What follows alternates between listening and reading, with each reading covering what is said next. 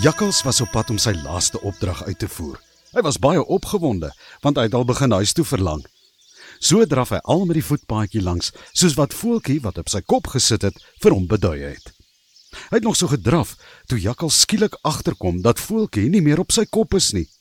O my liewe aarde tog, sê Jakkals en gaan staan net daar doodstil. Ek hoop tog nie die klein karnalie het aan die slaap geraak hier op my kop en afgeval nie.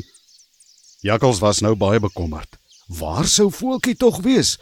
En hoe gaan hy wat Jakkals is weet wat om met die laaste opdrag te doen? Ek sal hom moet gaan soek. Ek moet hom net kry, sê nou net uit by die afgrond afgeval. Jakkals is sommer baie bekommerd. Hy kyk by die afgrond af. Dis langs die paadjie waar hy gedraf het en hy sien hoe hoog dit is. Gelukkig is hy glad nie meer bang vir die afgrond nie, want hy het sy groot vrees vir hoogtes oorwin. Hy kyk en kyk, maar sien niks nie. Hmm, dit lyk nie asof 'n voeltjie hier afgeval het nie, sê Jakkals en slaak 'n sug van verligting. En dan moet ek maar net aanhou soek. Jakkals soek en soek. Hy het gesoek tot die son ondergegaan het.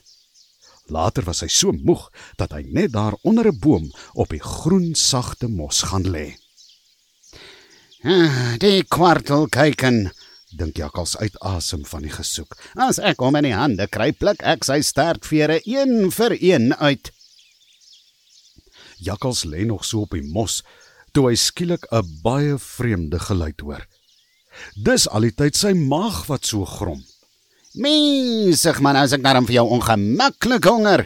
Ek het die hele dag nog niks geëet of gedrink nie, besef hy skielik. En net toe onthou Jakkals. Hy hoef nie te gaan soek na iets om te eet of te drink nie. Alles wat hy wil hê is reeds daar, want Voeltjie het gesê as jy dit sien, is dit daar. En so het Jakkals geleer om net sy oë toe te maak en dit wat hy ook al wil hê in sy gedagtes te sien.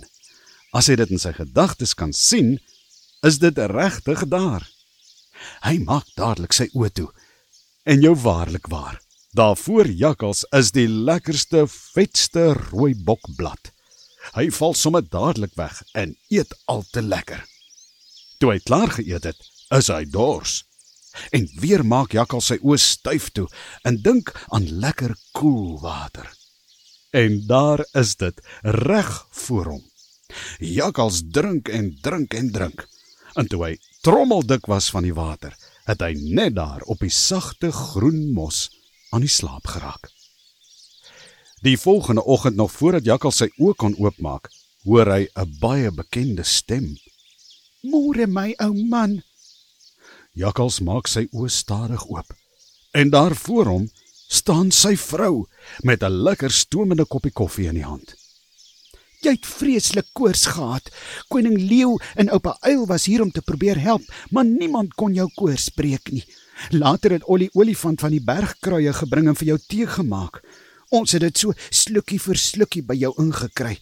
En toe raak jy darm aan die slaap. Ai, jakkals. Ek is so bly jy voel beter. Ons was baie bekommerd oor jou. Maar wat het dan gebeur? Vra jakkals skoon deur die blare. Ek het dan weggegaan om die ware ek te gaan soek. Vrou Jakkals frons en gee vir Jakkals die koffie. Jy was nooit weg nie, Jakkals. Jy het gisteraan kom lê en toe begin jy die snaakse geluide maak. Ons het eers gedink dit is die volmaan, maar toe ons by die venster uitkyk, sien ons dat dit bewolk is. En toe kom die koors. Jy het ons groot laat skrik. Jakkals het glad nie verstaan wat met hom gebeur het nie. Al wat hy geweet het, was dat hy lank in die betowerende woud was, dat hy vir voeltjie daar raak geloop het en dat daar bome was wat vergadering gehou het en dat hy opdragte gehad het wat hy moes uitvoer. Maar hy onthou ook van die pragtige paddastoele wat hy moes eet en hoe hy die springbokram gehelp het. Hy onthou skielik ook van die diep afgrond en hoe voeltjie hom gehelp het om oor sy hoogtevrees te kom. Jakkals wou nog vir vrou Jakkals vertel van sy wedervarings, toe hy skielik onthou van sy sterk verbeelding.